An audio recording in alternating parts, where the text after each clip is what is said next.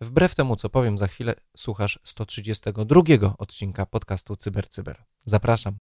Słuchasz podcastu Fundacji Bezpieczna Cyberprzestrzeń, audycji komentującej bieżące wydarzenia ze świata bezpieczeństwa teleinformatycznego.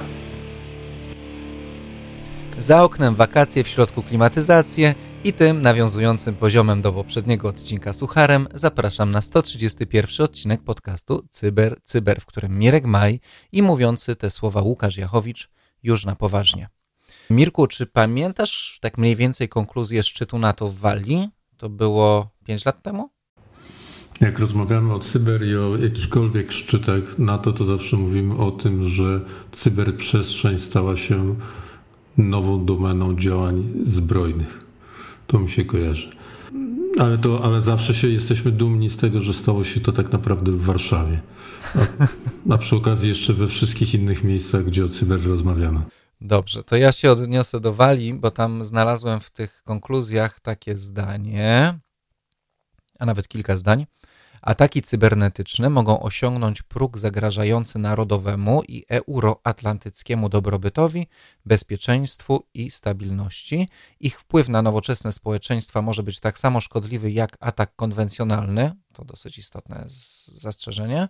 Potwierdzamy zatem, że obrona cybernetyczna należy do podstawowych zadań kolektywnej obrony NATO, a decyzja, czy w sytuacji ataku cybernetycznego przywołany zostanie artykuł 5, będzie podejmowana przez Radę Północnoatlantycką na podstawie analizy konkretnego przypadku. No i to było 5 lat temu. A teraz mieliśmy znowu szczyt NATO w Brukseli tym razem i oni, e, znaczy na, na, nasi mm, przedstawiciele na tym szczycie i innych państw potwierdzili gotowość do odpowiedzi zbrojnej, podkreślając, że, i to już moje tłumaczenie, bo tam to wcześniejsze było oficjalne, państwa NATO uznają, że wpływ skumulowanych dużych cyberataków może w pewnych okolicznościach liczyć się tak samo jak atak zbrojny ta kumulacja w ogóle jest dosyć istotna, bo wcześniej było trudno powiedzieć, jak duży musi być atak, żeby uznać go za atak zbrojny. Teraz e, uznano również, że jest to garść mniejszych ataków też może być uznana za jeden atak zbrojny. No i ostatnio sobie przeglądam dziennik Gazetę Prawną i tam jest tekst Łukasza Olejnika w numerze 127, zapamiętałem, bo to taki Mieliśmy kiedyś odcinek 127, tak mi się skojarzyło. E, no i Łukasz zwrócił uwagę na trwającą w Niemczech dyskusję, bo u naszego zachodniego sąsiada, e, nie wiem czy wiesz, konstytucja, zresztą chyba podobnie jak konstytucja Japonii, e, nakłada sporo zakazów związanych z konfliktami zbrojnymi. I tu nagle, kiedy my tu w NATO zaczynamy mówić, że cyberatak może być równoważny atakowi zbrojnemu, no to Niemcy się zastanawiają, czy można zgodnie z niemieckim prawem urządzić cyberkontratak. Albo chociażby walczyć z cyberprzestępcami, prowadząc, nie wiem, jakieś e, działania zaczepne. I, I ja już miałem ten odcinek zupełnie pięknie zaplanowany, e, i dosłownie 30 minut temu Marek Wałkuski, który w tym momencie, kiedy nagrywamy ten odcinek, kończy pobyt na konferencji prasowej w Białym Domu, on puścił informację, że rzeczniczka Białego Domu ostrzega, że jeżeli Moskwa nie podejmie działań wobec rosyjskich grup kryminalnych dokonujących ataków hakerskich na amerykańskie podmioty, to USA podejmą te działania. No i u nas nie bardzo jest w ogóle dyskusja na ten temat. Na SCS odpowiadałem w ramach anegdoty o ataku, który przypuścił zespół sokowy klienta na zespół pentesterski. No ale w sumie to jest dosyć ciekawe zagadnienie. Kiedy można zaatakować kogoś, kto nam się wydaje, że nas atakuje, i czy przypadkiem na przykład błędną atrybucją nie wywołamy wojny konwencjonalnej? No tak, no właściwie w tym e, krótkim głosowym felietonie wygłosiłeś chyba wszystkie e, wątpliwości i skumulowałeś nomen omen, odnosząc się do tej definicji skumulowanego cyberataku, wszystkie problemy, jakie są wokół e, tego zagadnienia, bo nawet e, no, wspomniałeś o 2015 roku, przywołałeś jakąś definicję, a później zaczęliśmy, mówiłeś o 2008 o obecnej sytuacji, tak, e, czyli w tym szczyt w Brukseli. Sprzed miesiąca. Tak, nie, nie, tak, i niby to brzmi jak postęp, tak, bo tutaj mamy cumulative cyber activities, tak, o, o, czymś takim mówią, no ale właściwie jak tam doczytać i do, podopytywać po prostu e, autorów, no to okazuje się, że no nadal nie ma zdefiniowanej jasnej definicji tych e, progów, które miałyby zostać naruszone w wyniku skumulowania różnych aktywności w cyberprzestrzeni. No i nadal się właściwie interpretuje tak samo, że ewentualne użycie, zastosowanie artykułu 5 to jest case by case, jak to sam określiłeś. Więc tak naprawdę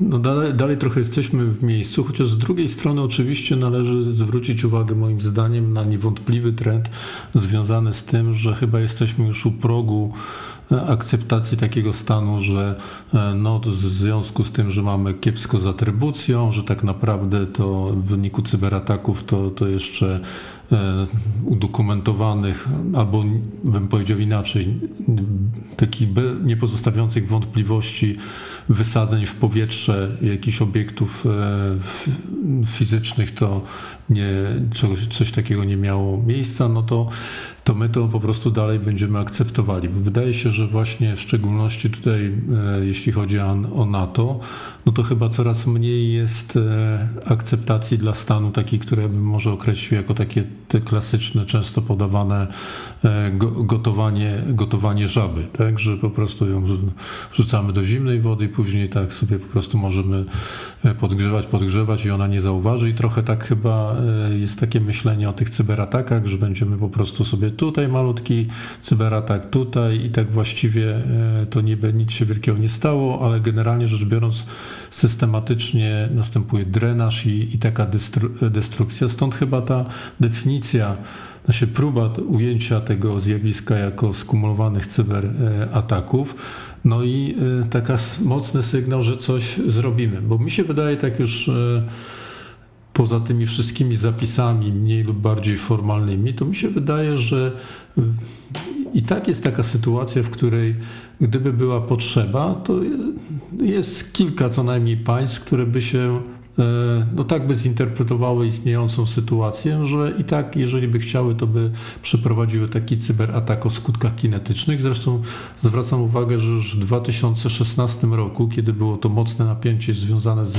z wyborami w Stanach Zjednoczonych i tym, że E, systematycznie e, Rosjanie drenowali ten, ten proces poprzez najróżniejsze działania w cyberprzestrzeni, to w którymś momencie, ja przynajmniej pamiętam taki moment tuż przed samymi już wyborami, gdzie Amerykanie bardzo jasne, mocne ostrzeżenie wysłali w kierunku Kremla, że nie ważcie się po prostu ten kulminacyjny moment w jakikolwiek sposób zaatakować, bo konsekwencje będą poważne. Tam było takie stwierdzenie chyba właśnie e, serious consequences. To one nigdy nie zostały do końca zdefiniowane, ale myślę, że e, no po, po drugiej stronie też wiedziano, czym to może e, grozić. No jakby interpretowano to bardzo często jako możliwy cyberatak bezpośrednio na infrastrukturę krytyczną Federacji Rosyjskiej. Bo właśnie ataku kin takiego tradycyjnego to się w tej chwili nie, znaczy ja osobiście, a przyznam, że akurat analityk wojskowości ze mnie żaden, to od razu taki disclaimer, ja jestem co prawda z wykształcenia politologiem, ale akurat skupiałem się na innych kwestiach. Tak patrzę na te kolejne deklaracje ze szczytów NATO, bo ja przy, przywołałem tylko te mm, moim zdaniem najważniejsze, oczywiście zapomniałem o deklaracji warszawskiej, no bardzo mi przykro. I przypomniał mi się taki kiedyś rysunek związany bodajże z wojną w Syrii, kiedy był przedstawiciel państw Zachodu, wydaje mi się, że to jeszcze był Barack Obama, stał przy e, takiej długiej e, alejce poprzekreślanych czerwonymi liniami i miał w ręku pędzel, rysował kolejną czerwoną linię i mówił, jak przekroczycie tę linię, to my naprawdę już zareagujemy. Tak, to jest ta walka z jakby kredkami na chodniku, tak? Też często porównywana. Prawdę mówiąc, troszkę to tak wygląda, no bo z jednej strony, jak odpowiedzieć na atak cybernetyczny? To jedno. Twoja e, propozycja odpowiedzieć e, kontratakiem cybernetycznym jest bardzo ciekawa i mam nadzieję, że jeszcze przez długi czas będzie jedyną odpowiedzią, jeżeli już zdecydują się państwa użyć tych wejść w takie bezpośrednie starcie, e, uderzenie za uderzenie, a nie przejdzie to w stronę konfliktu konwencjonalnego. Z drugiej strony ja się tak boję tego konfliktu konwencjonalnego, ale, ale przecież e, rzeczywiście za pomocą e, działań cybernetycznych, cyber, Boże, jak, dlaczego my używamy ciągle słowa cyber? Ono jest takie no bo jest najprostsze, tak, I, i, chyba już się przedarło, przedarło do, do przestrzeni medialnej i pewnie będziemy go używali, chyba że ktoś... Ja i tak, ja i tak wolę cyberprzestrzeń i cy, cyberataki niż ataki cybernetyczne, bo to, to już wydaje mi się... A, a to niestety też się często pojawia i to nawet w formalnych dokumentach. Złośliwe działania za pośrednictwem infostrady mogą doprowadzić do realnych o. tragedii.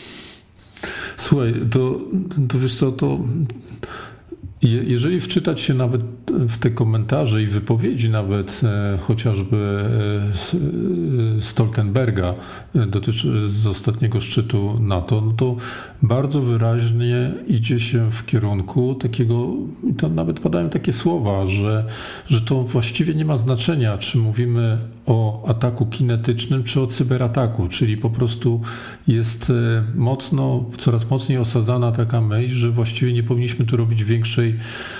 większej różnicy. No a to dlatego, no bo trochę powiedziałeś tak, to też jest ciekawe zagadnienie, że oby było tak, że to w odpowiedzi będą tylko cyberataki. No tylko zwracam uwagę, że te cyberataki znowuż konsekwencje mogą mieć bardzo podobne jak ataki kinetyczne.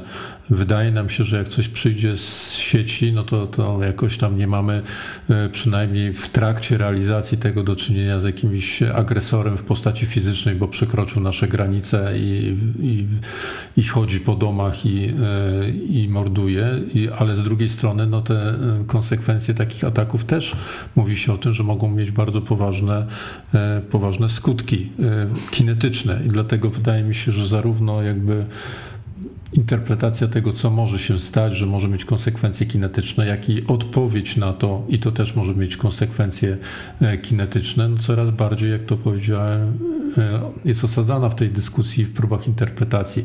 Tutaj Łukasz e, Olejnik, w tym, przeczytałem ten artykuł, ciekawy artykuł, nawiązuje do dyskusji, która jest e, w Niemczech, trochę, trochę we Francji. To jest oczywiście bardzo e, ciekawe. No z drugiej strony ja trochę za słabo się znam, a jak nieraz słyszę o tym, jakie podejście, wiadomo z jakich względów historycznych jest w Niemczech do, w ogóle do konfliktu, tak? to, to, to ja nie wiem, czy to jest dokładnie e, to, co wyznacza najlepszy, w najbardziej reprezentatywny sposób trendy, które w różnych państwach istnieją. No bo ja sobie przypominam takie historie e, związane z, z kontyngentami niemieckimi, e, na przykład gdzieś tam w Afganistanie i tak dalej, które no, no gdzieś tam na pograniczu zakazu w ogóle włączania się w, w wymianę ognia miały a te, takie, takie e, wytyczne. Więc Niemcy są bardzo uczuleni, wiadomo, z historycznych względów na to, że to jak to się określa, jakikolwiek przyłożenie ręki do rozprzestrzania się e, konfliktu, no to jest u nich e, negatywnie postrzegane. No i to, to ma być ten ich taki zawór bezpieczeństwa, jeśli chodzi o to, żeby za chwilę nie byli oskarżani o swoje jakieś w związku z historycznymi różnymi wydarzeniami. No ale to też sprawia, że tak jak ja uważam, że to nie do końca jest reprezentatywny model, tak, który my powinniśmy dokładnie się e, przy, przyglądać. Natomiast no, w, jakby w naszej e, doktrynie, no to wiadomo, że podobnie jak Stany Zjednoczone i inne e, państwa e, Sojuszu Północnoatlantyckiego, no to obowiązuje doktryna obronna. Pewnie jest właściwie to jakby spojrzeć na większość państw, jeśli nie wszystkie, to wszyscy mówią, że się poruszają doktryną, e, zgodnie z doktryną obronną, ale no, to nie jest tak, że jak jest doktryna obronna, to my po prostu możemy tylko stać i czekać i po prostu się bronić. Tak? To, to w doktrynie obronnej jest też tak, że e, jeżeli ktoś mnie zaatakuje, no to ja doprowadzam do neutralizacji tego ataku, a to może wyglądać w różny sposób, albo, albo e, obrona pasywna, albo obrona aktywna, tak, czyli eliminacja źródeł takiego ataku. No i zaczyna się jakby dyskusja, prawda, e, jak to robić, czy można to robić, czy można to robić na swoim terytorium, czy można to robić poza swoim terytorium i tak dalej, i tak dalej. No wystarczy przypomnieć chociażby atak Izraela na położoną chyba na terytorium Syrii budowaną instalację nuklearną. No dokładnie tak. I tak samo możemy podać atak, e, przykłady atak Izraela, na obronę Izraela, taką bym powiedział właśnie jakby pasywną na swoim terytorium, mimo tego, że, że środki aktywne były za wyko wykorzystane, czyli te, ta słynna tarcza. Żelazna prawda? kopuła. Ta żelazna kopuła, prawda? Ale no z drugiej strony to nie znaczy, że oni czekają aż czy, i zastanawiają się, czy żelazna kopuła da radę. Tak? To tylko po prostu no, źródła tych ataków też są, e, też są atakowane, kontratakowane. Więc to są zagadnienia, które no, dotykają bardzo no, istotnych kwestii no, krytycznych wręcz z punktu widzenia e, funkcjonowania państw. E, i trzeba sobie zdać sprawę, że w razie realnego zagrożenia interpretacja tego wszystkiego, co dzisiaj no po prostu chcielibyśmy, żeby nigdy nie nastąpiło, tak, bo nikt tutaj nie ma ochoty na, e, na jakieś kinetyczne konsekwencje, a najlepiej żadne konsekwencje właśnie takich konfliktów między, międzynarodowych, no to interpretacja będzie zawsze daleko posunięta i ona będzie w kierunku obrony własnych interesów własnego państwa, własnych obywateli. I w przypadku cyberataku będzie dokładnie, dokładnie tak samo. Nie wyobrażam sobie, żeby to było inaczej, niezależnie od tego, co na którymś z jednym czy drugich szczytów e, natowskich e, powiedzą. No tylko znów jest to potężny problem z atrybucją, o którym wspomniałem, bo y, analitycy mogą wiedzieć, że za atakiem stoi państwo jakieś tam, ale takich namacalnych dowodów to na przykład nie ma. No tak, ty... Albo dowody wskazują dokładnie. na inne państwo, bo przecież mnóstwo ataków przychodzi do nas z terytorium Stanów Zjednoczonych. A to dlatego, że tam jest łatwo kupić anonimowo VPS. No właśnie.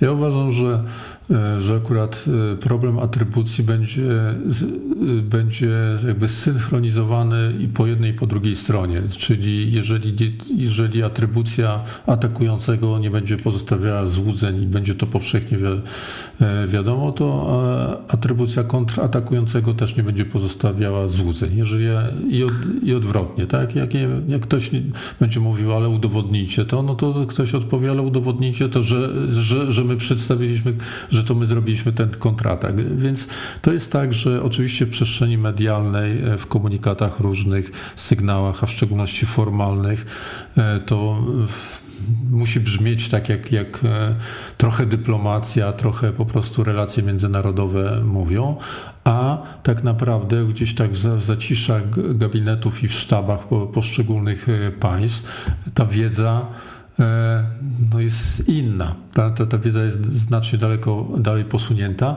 z problemem takim, że nie zawsze coś, co jest wymagane właśnie w przestrzeni medialnej i w relacjach międzynarodowych jako konieczne do zaprezentowania, jeżeli, jeżeli by się chciał postawić jakąś, jakąś tezę albo jako jakiś zarzut, no to, no po prostu ta wiedza jest utrzymywana no, na takim poziomie, tak, jak, jak można ją stosować.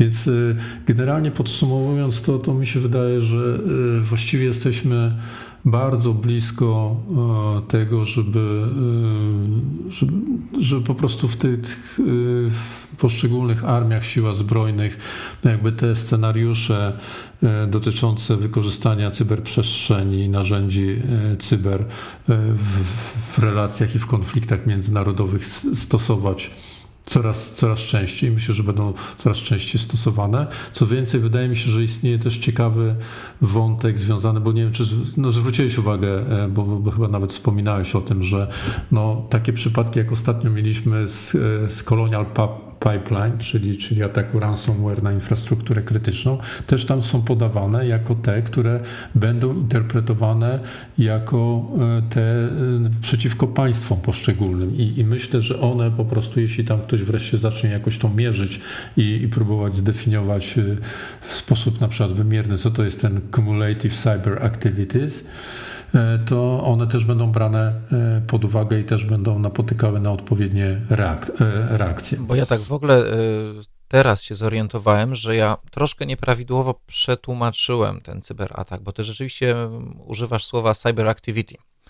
A jako, no, że... to jest z cytatu, to jest, zdaje się, z cytatu z tego komunikatu. Tak, tak, a ja sobie to przetłumaczyłem, już się trzymałem polskiej wersji, a Cyber Activity to nie jest wyłącznie to coś, co wchodzi ekipa, e, która jest dobra w atakowaniu systemów, ale to też są na przykład działania związane z e, propagandą z fałszywymi tak, operacje informacyjne, operacje informacyjne, tak. I to, I to w momencie, kiedy już Amerykanie, a w szczególności po 2016 roku, a, a my trochę później, wcześniej jeszcze Brytyjczycy przy Brexicie, czy Francuzi przy wyborach swoich e, doświadczyli mocno, jak skorelowane są te akcje E, i, i operacje informacyjne i cyberoperacje w rozumieniu tych ataków e, technicznych, no to, no to teraz już jakby się też, e, no to słusznie zwróciłeś uwagę, jakby łączy to, prawda, że, że tak należy to interpretować, że tutaj rozróżnienia nie ma, co też jest dobrym wskaźnikiem dotyczącym tego, jak rozwijać własne kompetencje i własne zdolności do działań w cyberprzestrzeni, że jeden i drugi komponent musi być absolutnie uwzględniony w tym. Ja w ogóle jestem troszkę, znaczy jestem zmartwiony tym, że to musi być w ogóle temat do dyskusji, ale jestem zachwycony tym, że ta dyskusja w niektórych krajach trwa w jaki sposób sobie z tym poradzić. Teraz ostatnio czytałem taki wywiad z e, osobami zajmującymi się Rosją i tam też było powiedziane, że na przykład Rosja ma mnóstwo gotowych strategii. Oni sobie po prostu wyciągają kolejne strategie w zależności od tego, co im aktualnie będzie potrzebne. I się zastanawiam, bo w Polsce chyba nie było publicznej, ani nawet takiej, a może się mylę, może mnie to po prostu ominęło, dyskusji na temat, jak sobie radzić z cyberatakami na e, infrastrukturę krytyczną, jak sobie radzić z wojną informacyjną wymierzoną przeciwko naszemu krajowi. Bo że ta wojna, znaczy, źle używam słowa wojna, ale że są prowadzone nieprzyjazne akcje e, informacyjne przeciwko nam, to, to chyba każdy, kto śledzi, co się dzieje e, w sieci, to i nie tylko w sieci, to sobie zdaje sprawę. I ja Chciałbym wiedzieć, jakie jest nasze stanowisko, jak to wszystko zostało przygotowane, jakie argumenty były za i przeciw, czy będziemy kontratakować, czy nie będziemy kontratakować, a może, że ktoś wyjdzie i powie, nie powiemy wam, czy będziemy kontratakować, ale mamy to przemyślane i mamy to zapisane w naszej tajnej strategii. Czy ty wiesz, jak to jest?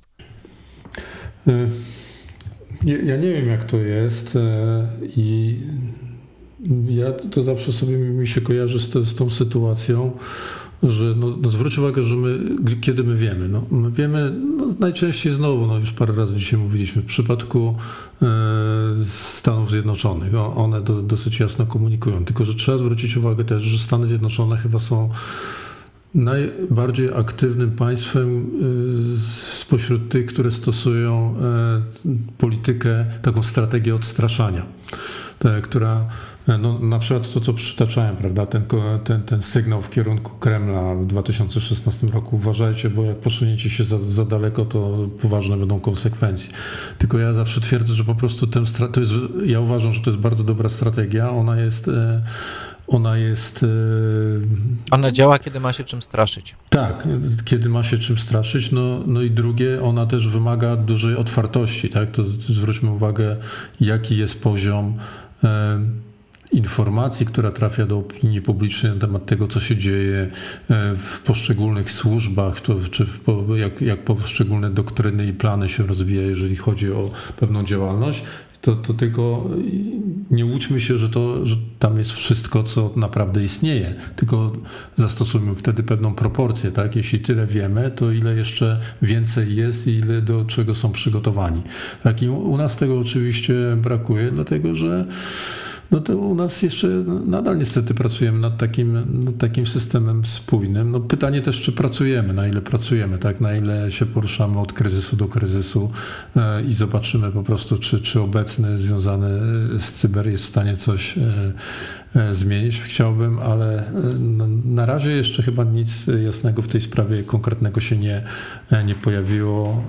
No bo co, no bo chyba nie tajne obrady Sejmu, no. ale nie chciałbym wracać do poprzedniego odcinka, bo to za poważny temat. Ja myślę, że wśród naszych słuchaczy mają duże szanse być osoby, które wiedzą, jak to jest naprawdę, więc jeżeli można, to on the record, to w ogóle zapraszamy do kontaktu oficjalnego. Jeżeli tylko off the record, to ja na przykład bardzo chętnie się na jakiejś kawie spotkam. Zapraszam. Oczywiście, na, na cyberkawie. Jesteśmy otwarci na cyber, na wirtualną i na rzeczywistą kawę również. E, także zapraszamy, informacje kontaktowe są wszędzie. Tak patrzę na zegar, zasuwają te wskazówki, a ja chciałem, znaczy w ogóle to ja przygotowałem długą na dwie strony listę tematów, ale od razu powiem, że Mirek powiedział, ale my nie zdążymy. I co, miałem rację?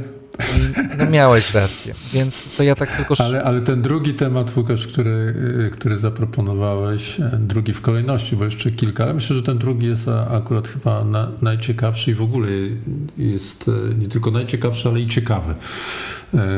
Więc ja chętnie wysłucham, bo on też myślę, że będzie pouczający dla naszych słuchaczy. Tak, bo generalnie od dłuższego czasu analizuje różne incydenty, które się pojawiły na polskim terytorium, e, incydenty bezpieczeństwa i chciałbym jakoś wykorzystać część tej wiedzy, którą zdobyłem analizując te incydenty, by ostrzec naszych słuchaczy. No bo tak, my często rozmawialiśmy w co jakiś czas robimy sobie takie edukacyjne przypominki i, i, mówimy, jak bronić się przed phishingiem na przykład. No i jak robić, jak bronić się przed phishingiem będącym wstępem do ataku. No, zawsze mówiliśmy jakieś takie banalne rzeczy. Nie robimy rzeczy pozaproceduralnych. No nie wiem, nie zmieniamy numeru kontrahenta bez potwierdzenia tego, że ten mail z nowym numerem kontrahenta jest prawdziwym mailem, czyli dzwonimy do tego kontrahenta, nie odpowiadamy na maila, tylko dzwonimy i potwierdzamy. E, nie otwieramy niespodziewanych załączników, sprawdzamy, czy nadawca jest prawdziwy. E, to ja dorzucę taki nowy, którego ja osobiście bym wcześniej się nie spodziewał, bo teraz jeszcze bym dorzucił do tej listy, nie otwieramy nietypowych załączników, nawet jeżeli stanowią element istniejącej komunikacji.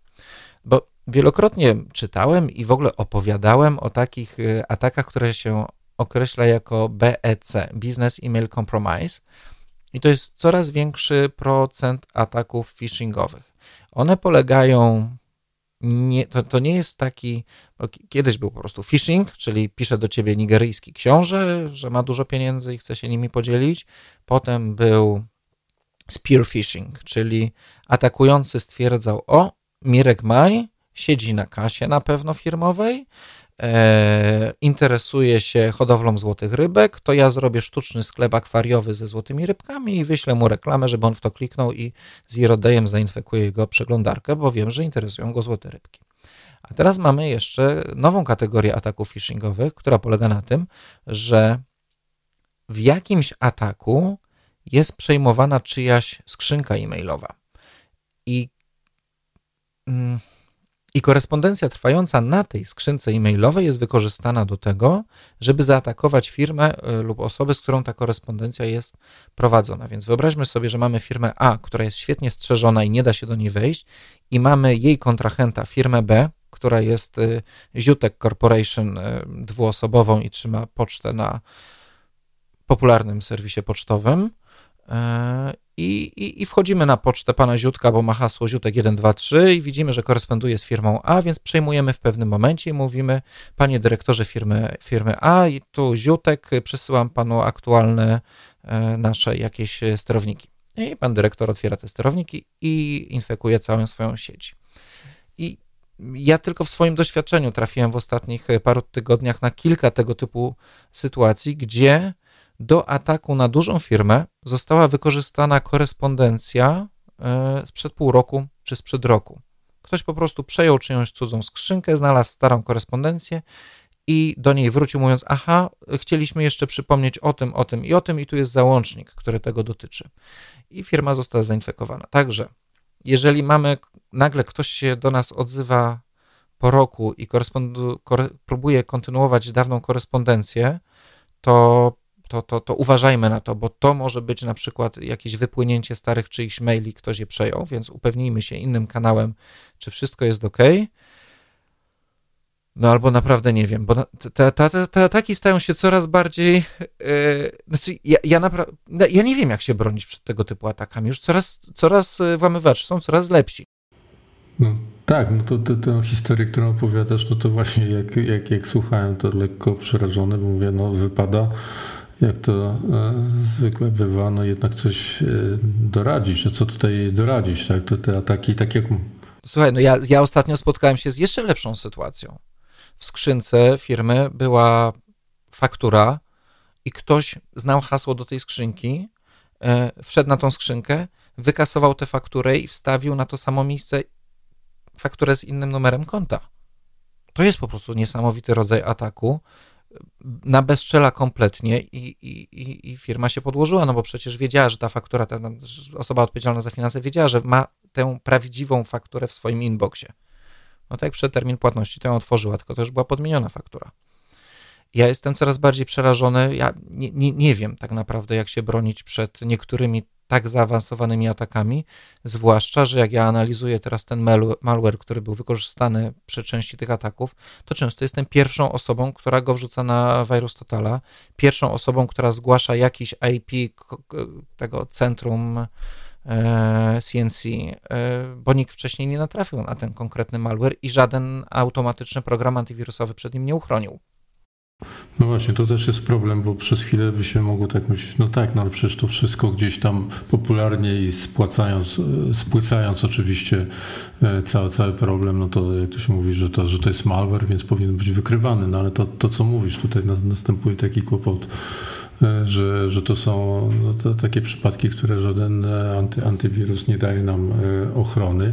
I rzeczywiście ja myślę, że no nie ma innej siły, nie wiem co to mogłoby być, ale chyba po prostu e, musimy tutaj pewnie jako, jako środowisko, w szczególności ci, którzy proponują rozwiązania, e, tutaj gdzieś tam patrzę w kierunku vendorów, no, zacząć myśleć o czymś jednak rewolucyjnym z punktu widzenia, nie wiem, wykrywania czego, gdzieś połączenia jakichś jakichś analiz semantycznych, być może związanych z, jeżeli, jeżeli mamy jakiś łańcuch korespondencji, tak, to, to ona, ona powinna gdzieś mieć swój taki cyfrowy fingerprint i nagle jest anomalią, że ktoś E, pisze e, ziutek, a nie co, co drugi mail, a nie, że w którymś momencie już przeszedł na ziutuś, przepraszam, taki banalny, trochę głupkowaty po, e, pomysł i, i, i przykład, ale gdzieś wykrywania na jakichś pewnych nowych, nowych triggerów wskazujących na, na możliwość ataku, że coś jest nie tak. No a drugie to jednak chyba e,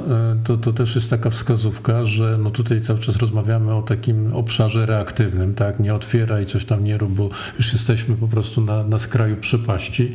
No ale jednak e, no to nie zapominajmy o tym, że to wszystko e, albo prawie wszystko w większej, większy, w większości przypadków jest efektem no, źle skonstruowanego systemu, który w ogóle mo, umożliwia doprowadzenie do tej sytuacji nad przepaścią, prawda? Więc, więc jednak tutaj y, no, trzeba jakby cofnąć się krok czy dwa do tyłu i pomyśleć, jak zorganizowany jest nasz system zabezpieczeń technicznych, ale również proceduralnych i związanych ze, e, ze szkoleniami, żeby no, na tym poziomie po prostu tym prewencyjnym e, podnieść, podnieść no, odporność organizacji. No bo o pojedynczych ludziach, no nie oszukujmy się, no tylko, że z drugiej strony sam zwróciłeś uwagę i to jest rzeczywiście trend od, od, od wielu, już nawet nie miesięcy, myślę, że od kilku lat, że, że jest ta specjalizacja również biznesowa, tak, w tym, w tym rozumieniu, że lepiej jest atakować tych mocniejszych i bogatszych, no bo, no bo ileś tam wysiłku to wymaga, prawda, tak jak tutaj opisałeś to nawet, no ale łowy są znacznie e, obfitsze, tak, po, po tego typu atakach. No i, i dlatego ta moja uwaga na temat tego, cofnijmy się dwa kroki i, i dobrze zorganizujmy ten E, ten system, uwzględniając najróżniejsze rzeczy, takie na przykład jak coraz częściej przy, przywoływane w momencie rozmowy o cyberbezpieczeństwie, tak zwane bezpieczeństwo łańcucha e, dostaw, no to to są też te organizacje, które powinno być jednak stać i które powinny na tyle dojrzale myśleć o tym, żeby, żeby to również robić. Wiem, że trochę się mądrzymy i tu nie ma prostego rozwiązania, no ale to już sobie powiedzieliśmy, że nie ma prostego. No trzeba, trzeba po prostu no, wracać do dobrych praktyk. Znaczy, rzeczy, gdzie ktoś wejdzie wejdzie na skrzynkę osoby odpowiedzialnej za księgowość i podmieni czekającą tam zweryfikowaną już fakturę, to tego żaden system automatycznie nie wykryje. Ale na przykład te inne rzeczy, no to, to, to jednak niektóre z nich, czy też część z nich y, wiąże się z jakimiś nietypowymi połączeniami i e, albo nietypowych porach, bo na przykład nagle się pojawiają łączności do, do, do Telegramu który jest centrum CNC, albo łączności torowe, albo łączności do jakiegoś dziwnego IP, przechodzą gigabajty danych w środku nocy, chociaż zwykle nie wychodziły. I tego typu rzeczy już wykrywają różne istniejące systemy. No ale to trzeba sobie siąść, poczytać, zastanowić się, co zaimplementować w firmie, e, i nie wiem, kupić Siema, Soara, Soma, generalnie siąść i, i, i wziąć te nowoczesne technologie, które są, je skonfigurować i patrzeć na wyniki. Bo to w sumie jest jeszcze ciekawa rzecz, że, że bardzo często firmy kupują i nie wdrażają rozwiązania, które by je uchroniły przed częścią wycieków danych. Bo na przykład nie, nie, nie ochronią one przed wszystkim, ale na przykład przed wyciekiem dużej ilości danych to zaalarmują, że coś się dzieje. E, albo kupują, wdrażają, ale potem nikt na to nie patrzy. No dokładnie tak, no, no, bo my przytaczamy różne przykłady, one są, one są prawdziwe, no ale z drugiej strony też, żeby jakby tak nie, nie zamydlać i nie, i nie straszyć i nie opisywać tego jako tylko krajobraz samych i wyłącznie skutecznych zagrożeń, no to przecież no jest cała masa organizacji po prostu, które no, zainwestowało odpowiednio w ten, w ten temat, to, to zjawisko cyberbezpieczeństwa i, i to nie jest tak, że one co, co chwilę mają po prostu leżą i kwiczą po prostu po jakichś nowych cy, cyberatakach, tylko sobie radzą. To oczywiście wymaga wysiłku. No ja chwalę zazwyczaj, bo, bo rzeczywiście chyba tak jest, no, sektor bankowy, tak, no, który jest zmuszony do tego, żeby, żeby to zrobić. No i to, to nie jest tak, że tam nie, że, no i zrobił to, tak, to nie jest tak, że nic się tam nie, nie zdarza, no ale nie, nie zdarzają się katastrofy, które wywalają po prostu ten, e, ten system, czy poszczególne e, organizacje, dlatego, że od wielu lat po prostu systematycznie się nad tym pracuje, są tam zespoły